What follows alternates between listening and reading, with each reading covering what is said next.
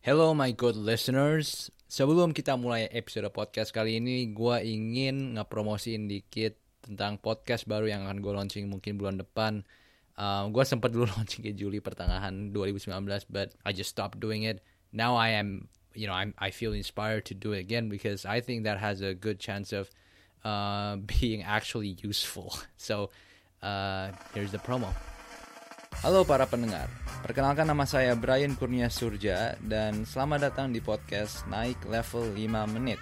Podcast ini bertuju untuk memberikan Anda tips-tips kesehatan, produktivitas, dan juga informasi-informasi paling berharga dari berbagai raga experts dan juga buku-buku terpercaya yang bisa membantu meningkatkan kualitas hidup Anda. Saya tahu waktu Anda berharga, maka saya akan berusaha sekeras-keras mungkin agar semua konten di podcast ini bisa membantu Anda seoptimal mungkin. Anda mendapatkan value tertinggi dalam waktu sesingkat-singkatnya. Itu saja perkenalannya. Lagi-lagi saya berharap Anda bisa mendapatkan value dari podcast ini. Sampai jumpa di episode yang lain. 10 years ago, Brian Ortega was given a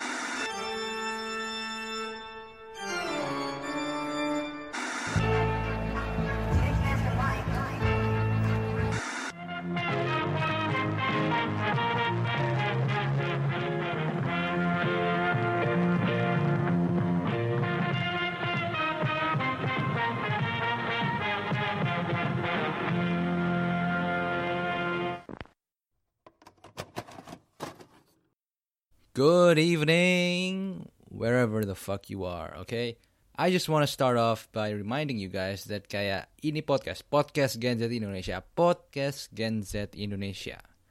Tidak mendiskriminasi lu mau agama, Buddha lah, Kristen lah, Katolik lah, Hindu lah, Islam lah. Kita tidak mendiskriminasi. We don't play that shit, okay? Lu mau gender uh, heteroseksual, homoseksual, lu mau nge-identify sebagai binatang, sebagai pohon, sebagai kertas, lu mau nikah sama boneka, we do not discriminate. Oke, kita tahu seberapa anehnya, seberapa seberapa sulitnya hidup di luar sana. Kita memiliki preferensi kita masing-masing, kita memiliki personality kita masing-masing. I respect that, man. We all respect that. Komunitas ini semua menghargai itu. So welcome to my podcast and please come in and make yourself feel comfortable. Make yourself feel um, comfy, cozy, and about get some snacks, get some drinks, and let's start talking. let's start talking smack. Kita mulai ngomongin ini. Tapi boy oh boy, I know this past weeks kayak banyak gua ngomongin seberapa sulit uh, hidup gitu kan di dua episode terakhir sepertinya. Well, not really. Episode terakhir gua ngobrol sama Raditya Dika. Well, no, it's not a real podcast. Tapi itu kayak snippet yang gua curi-curi gitu kan dari uh, sesi Q&A Detox Melbourne. And tapi sebelumnya itu loh episode yang depresi dan yang menyendiri itu kayak banyak banget gue tuh mer, apa ya banyak banget gue tuh ngeventing tentang kesulitan yang gue hadapin di hidup. And that is itu satu hal yang mau gue sampaikan aja mungkin sih. Um, just I wanna like put it out there for people to hear. Kalau lu mendengarkan ini and just get it off my chest, I guess. Uh, not to signal or some shit like that. Tapi kayak I hope that from you kayak dari lu mendengarkan apa yang gue ngomong, lu bisa sort of nge-relate and feel better about your situation if you're suffering. Gara-gara gue tahu mungkin ini tuh bukan situasi yang baik dan yang gampang gitu buat kebanyakan orang. Banyak sekali teman-teman gue yang memiliki rencana mau A, rencana B, rencana C itu semua di derail atau um, banyak sekali hal-hal yang um, yang gak semestinya terjadi tapi terjadi gitu tau nggak um, di, di di tahun ini especially di tahun ini pokoknya di masa-masa pandemi ini kita manusia kita sebagai manusia ya ketelanjangan kita dalam pengalaman itu tuh benar-benar diekspos dengan hal-hal yang tidak semestinya terjadi tau nggak oh look at that. The nakedness of man exposed to the uh, to the um, to to the un, I don't know what. Pokoknya kayak satu hal yang benar-benar gak semestinya lah. And that is challenging. That is challenging. Uh, dengan kata-katanya Dr. Jordan B. Peterson it pulls you down into chaos. Dan lu jatuh ke lubang ini. And well that certainly was the case for me.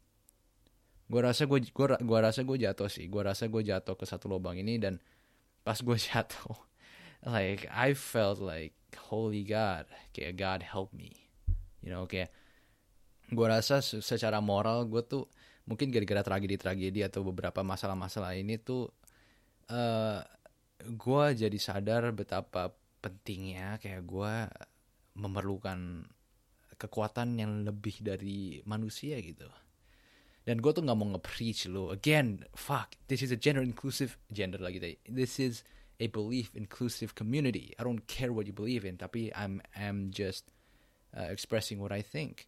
You know what I feel. Kayak these tragedies kayak gue gua merasa lemah gitu. Untuk kayak melihat ke depan ke masa depan. Gue gue tuh kayak ngeliat banyak banget kayak uncertainty uh, dan randomness it's just kayak putting it onto myself kayak oh I have got this under control it's fucking stress inducing kayak buat gue sendiri and so dengan dia ya, buat gue sendiri ya mempasrahkan masa depan gue ke tangan Tuhan let's say atau apa pun di luar sana eh, I feel I feel more in apa ya? I feel more comfortable. Gue merasa I feel less stress, I would say. Dan lu bisa bilang kayak oh itu gara-gara lu percaya itu aja jadi lu merasa itu. Well, it doesn't really matter because it helps me. I I think. Um, and yeah, so it, it it just dengan percaya gitu tuh kayak gue rasa itu benar-benar membantu gue um, just go through these times I guess kayak waktu-waktu susah di mana banyak banget kayak tantangan-tantangan yang sebelumnya gue tuh nggak pernah rasakan gitu di dalam hidup gue I had no idea kalau hidup tuh ternyata sesusah ini gitu I would say. And it's crazy but it's apa ya it, itu mengingatkan kalau uh, that life is hard it's not as easy as you think. And kayak mungkin lu tuh nggak sekuat dan lu nggak seprepared yang lu pikir gitu. And kalau lu jatuh lubang itu ya lu jatuh ke lubang itu eh, well it's the case for me. Gue pikir I've I've I've hit rock bottom I felt like I've hit rock bottom. And then kayak ternyata when you feel like okay well now kayaknya udah mulai gue rasakan ini this is rock bottom and I'm climbing my way up. Tiba-tiba lu ditendang lagi turun tau ya sama sama sama hidup tau gak dikasih cepret kayak ada fucking some random event and uh, you didn't see it coming. Dan lu jadi kayak jatuh lagi dan oh ternyata ada di bawah lagi. Kayak lubang ini tuh masih menjorok lebih dalam gitu and you're like oh my fucking god you know um, but it is what it is it is what life is and again I tell you if you feel like this you're not we're in this shit together man uh, I hope you, I hope you the best. I hope you can fucking uh, overcome whatever it is that you're dealing with. We're in this together. Anyways, gue mau ngomong sedikit mungkin tentang well, there's this figure yang gue baru ketemu kemarin online uh, under the name of uh, Gita Wiryawan. Jadi gue tuh sempet ngobrol atau nggak catch up dengan salah satu teman gue Niko dan kita we exchanged ideas, we conversed and salah satu hal yang dia share ke gue adalah Brian, coba lu cek di YouTube ada ini orang namanya Gita Wiryawan. Dia ini tuh dulu pas masa SBY dia sempat jadi Minister of Trade untuk Indonesia and see if you might be, you know, you may be interested in his content. Uh, katanya kontennya tuh banyak banget kayak video-video kayak conversation-conversation dengan kayak figur-figur terkenal seperti kayak Nadiem Makarim dan lain-lain uh, which is true. So I I went and investigated and I saw uh, the content yang di out sama si Gita Wiryawan ini. Dan gue lihat kalau ternyata kemarin tuh dia baru ngobrol sama Dian Sastro Yoyo. Is that her name? Ya, di, Dian Sastro ya. Gue gak tahu nama panjangnya lengkapnya gimana. Tapi Dian Sastro dan mereka ngobrolin banyak hal. Dan bener-bener it's clearly evident. It's very very very obvious kalau um, Pak Gita Wiryawan ini tuh sangat he's very well versed in the English language. For a boomer, gue tau banyak banget boomer tuh kayak Inggrisnya nggak sebagus dia that's not an insult, okay? Boomer tuh bukan insult. It's just an age demographic. Tapi for a boomer, his English is incredible. Tahu nggak? It's just incredible. Dia pakai vocab vocab yang kayak kata-kata uh, impetus or kayak illustrious, you know, kayak these big words that he uses, and kayak he uses it kayak effortlessly. And it is so obvious kalau dia tuh banyak baca buku juga, you know. Dia banyak banget baca buku, uh, di- jadi dia bisa ngomongin tentang AI lah, Neuralink lah, asli ngomongin fisika, ngomongin sejarah lah, ngomongin Al-Khwarizmi lah, orang penemu aljabar lah, macem-macem pokoknya. Tau nggak? Bener-bener macem-macem. Dia tahu banyak tentang Indonesia. And I felt inspired, I guess. Gue bener-bener merasa terinspirasi ya karena so far kebanyakan tuh gue di-expose, apalagi di internet gitu ya. Gue cuman ke-expose ke figur-figur uh, western western figures. You know, gue kayak kemarin sempat ngebaca autobiografinya Malcolm X. It's an inspirational read, uh, but he's uh, the context that he was brought up in. Dia tuh tumbuh dan tinggal di konteks yang lumayan jauh berbeda. Well, ada beberapa persamaan, tapi in general berbeda dari Indonesia gitu. Dia lahir di Amerika gitu, Nebraska. Gue lahir di Jakarta tahun 2000, dia lahir tahun 19 berapa belas, gue lupa pokoknya. Walaupun gue bisa ngerelate dalam beberapa hal ke Malcolm X dari membaca bukunya, uh, you know his his experiences maybe, uh, gue tetap nggak bisa serelate dengan Pak Gita Wirjawan ini gitu, you know, seperti Joe Rogan yang benar-benar memberikan inspirasi gue untuk memulai podcast lah, untuk berkreasi lah, untuk membaca buku. Uh, he's still a Western figure. Dia ini uh, orang yang udah umur 55 dan dia tinggal di Amerika gitu. Sometimes kayak it's just walaupun gue tuh mendapatkan inspirasi dari dia, beda rasanya kalau gue mendapat pas gue mendapatkan inspirasi dari Pak Gita Wirjawan ini, karena gue tahu dia itu orang Indonesia dan wow gitu, ternyata it's possible kayak like this is a figure that I can look up to.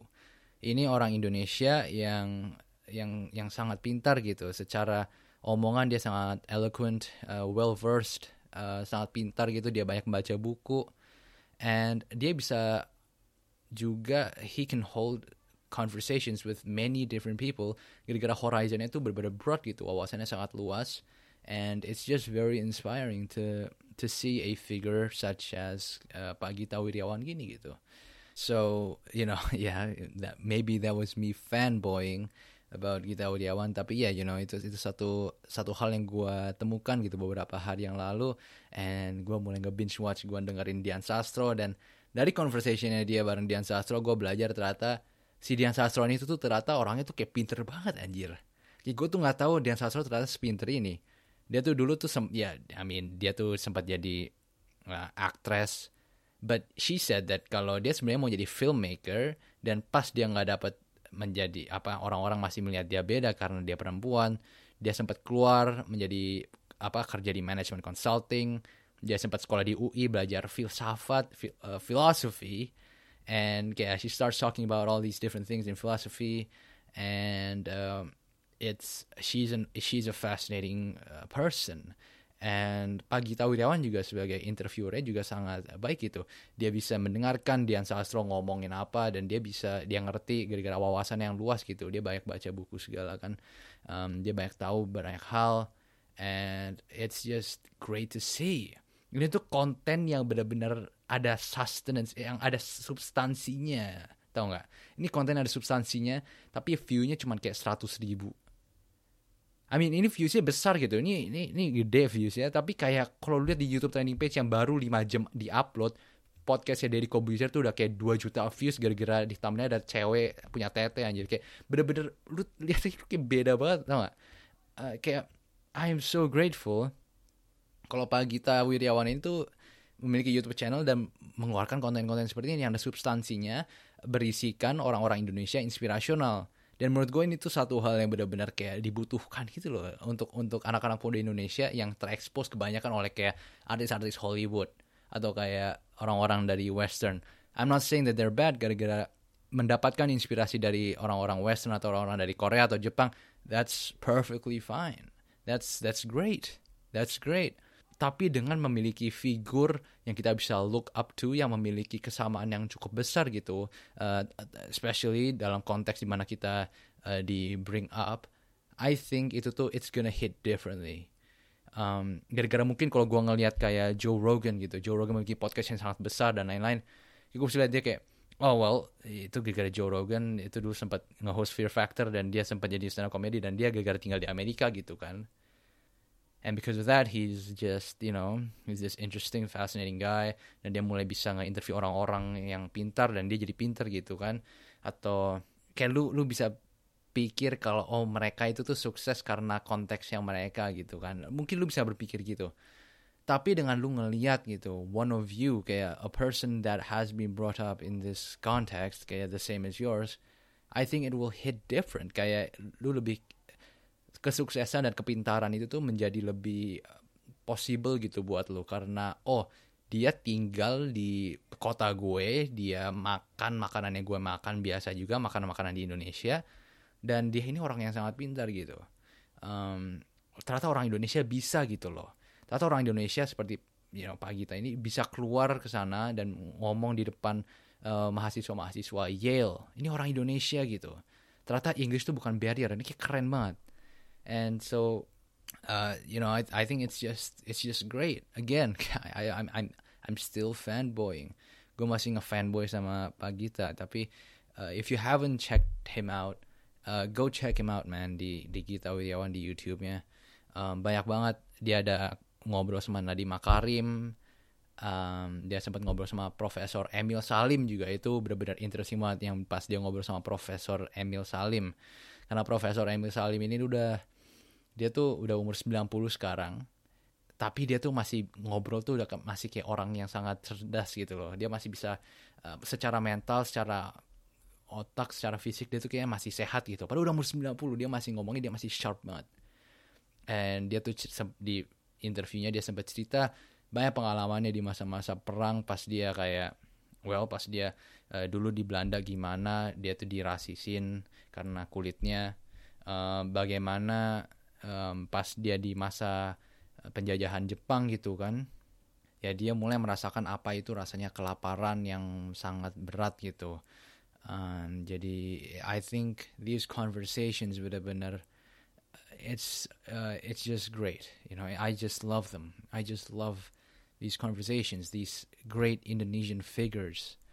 Dan ini menurut gue ini satu hal yang I I was lacking uh, just recently I've been so fascinated by the country. Gue tuh bener-bener lagi di, gue bener-bener tertarik banget sama negara Indonesia sekarang. Gue lagi uh, kepengen banget mulai baca banyak tentang sejarah Indonesia dan lain-lain for some reason.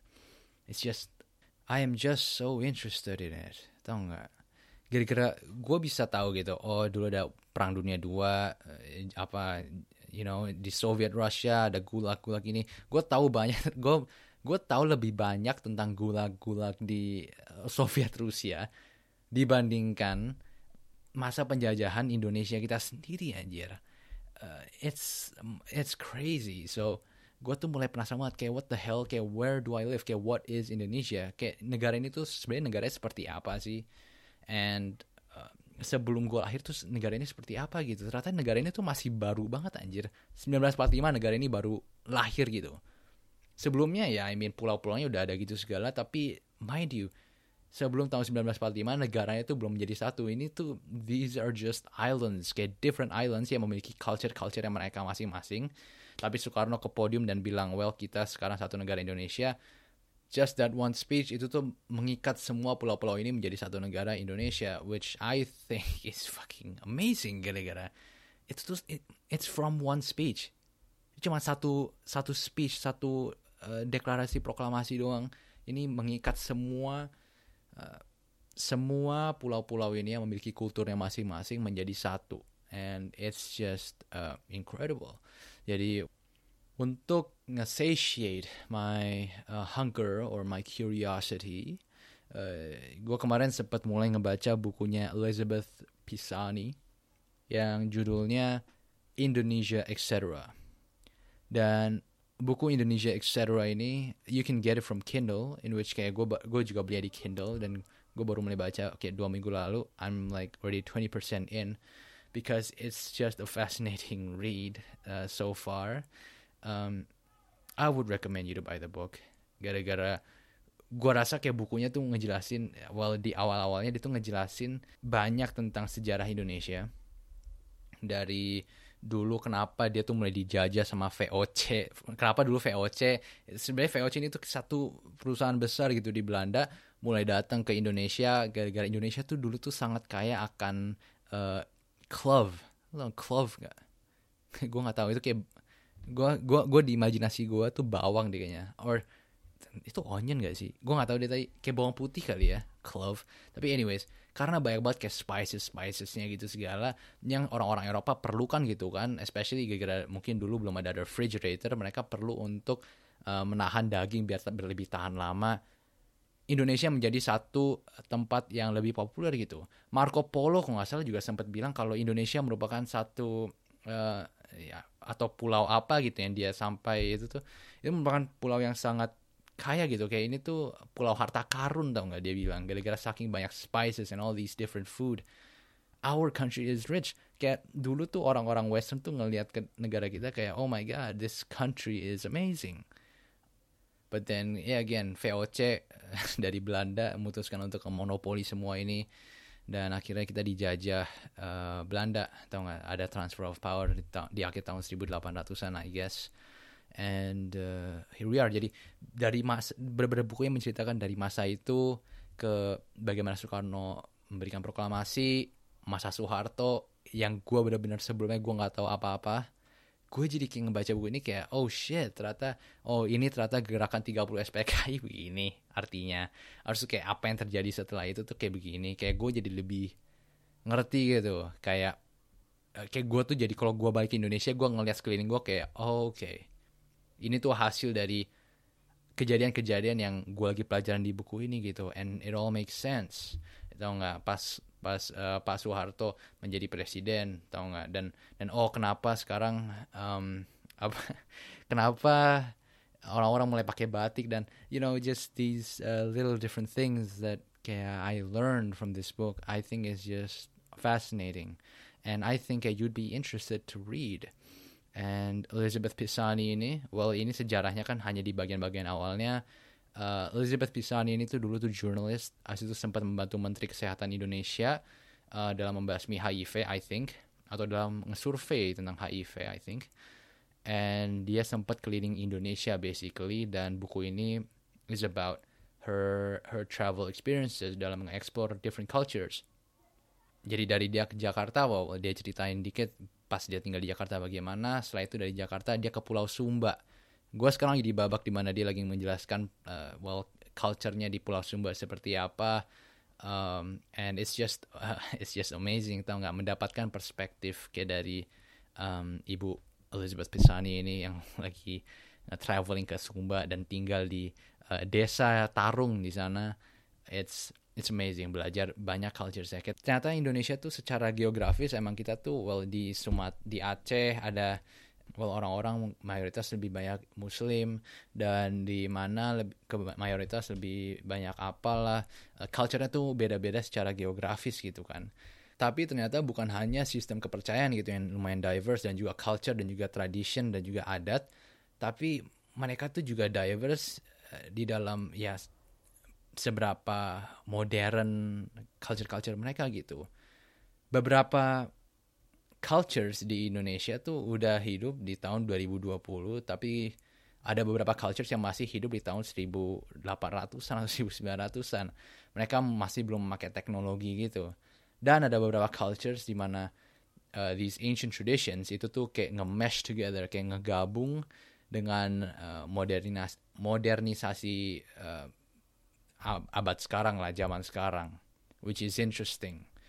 And there's always this play tau gak, going on between kayak uh, modernisasi yang lebih mengutamakan individualism gitu kan orang yang lebih uh, melakukan hal-hal untuk kesenangan dirinya sendiri dibandingkan uh, adat-adat atau tradisi yang mementingkan kebersamaan and there's always this play that is going on in Indonesia yang uh, it's just interesting.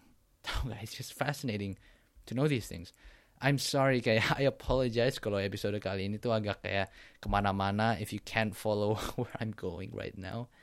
But um, it's already 25 minutes. Uh, gue harap kalian enjoy dan mendapatkan sesuatu dari episode podcast kali ini. Again, gue berpikir gue akan mulai mengaktifkan podcast naik level 5 menit yang gue promosikan di awal podcast ini. Go check that shit out, man. Uh, gue baru desain logo baru, and it's just gonna. I think that's gonna be a useful one, and I have high hopes for the one, man. I think that's. I'm pretty optimistic. So uh, that's it from me. Go harap kalian, you know, I, I hope you guys stay strong out there. I know it's not easy. And uh, yeah, I will see you in the next episode.